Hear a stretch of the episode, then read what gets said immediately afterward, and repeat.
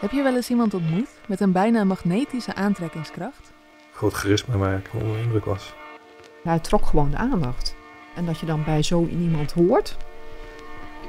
Ja, dat vond ik wel spannend, ja. Maar wat als degene die jij het meest vertrouwt al jouw gedrag wil controleren? Flirten of stappen of wat allemaal. Absoluut not dom. Jij vindt het eigenlijk te leuk om aan mannen te zitten terwijl je dit doet. Familie is je aardse familie, maar niet je echte familie. En wij zijn je echte familie. Hoe ver laat je hem gaan? Doe maar. Ik kan geen nee zeggen tegen jou. Het was zo'n rare wereld. Straks schiet hij hem door zijn kop. Dacht ik echt.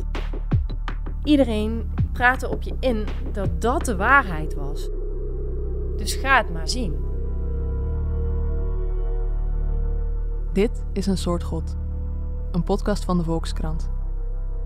Mijn naam is Simone Eleveld en samen met Anneke Stoffelen onderzoek ik hoe het kan dat een groep slimme mensen hun leven liet bepalen door één man. Alles waar ik 12 jaar lang in geloofd heb, is gewoon allemaal een leugen. Een soort God. Te beluisteren vanaf 23 oktober.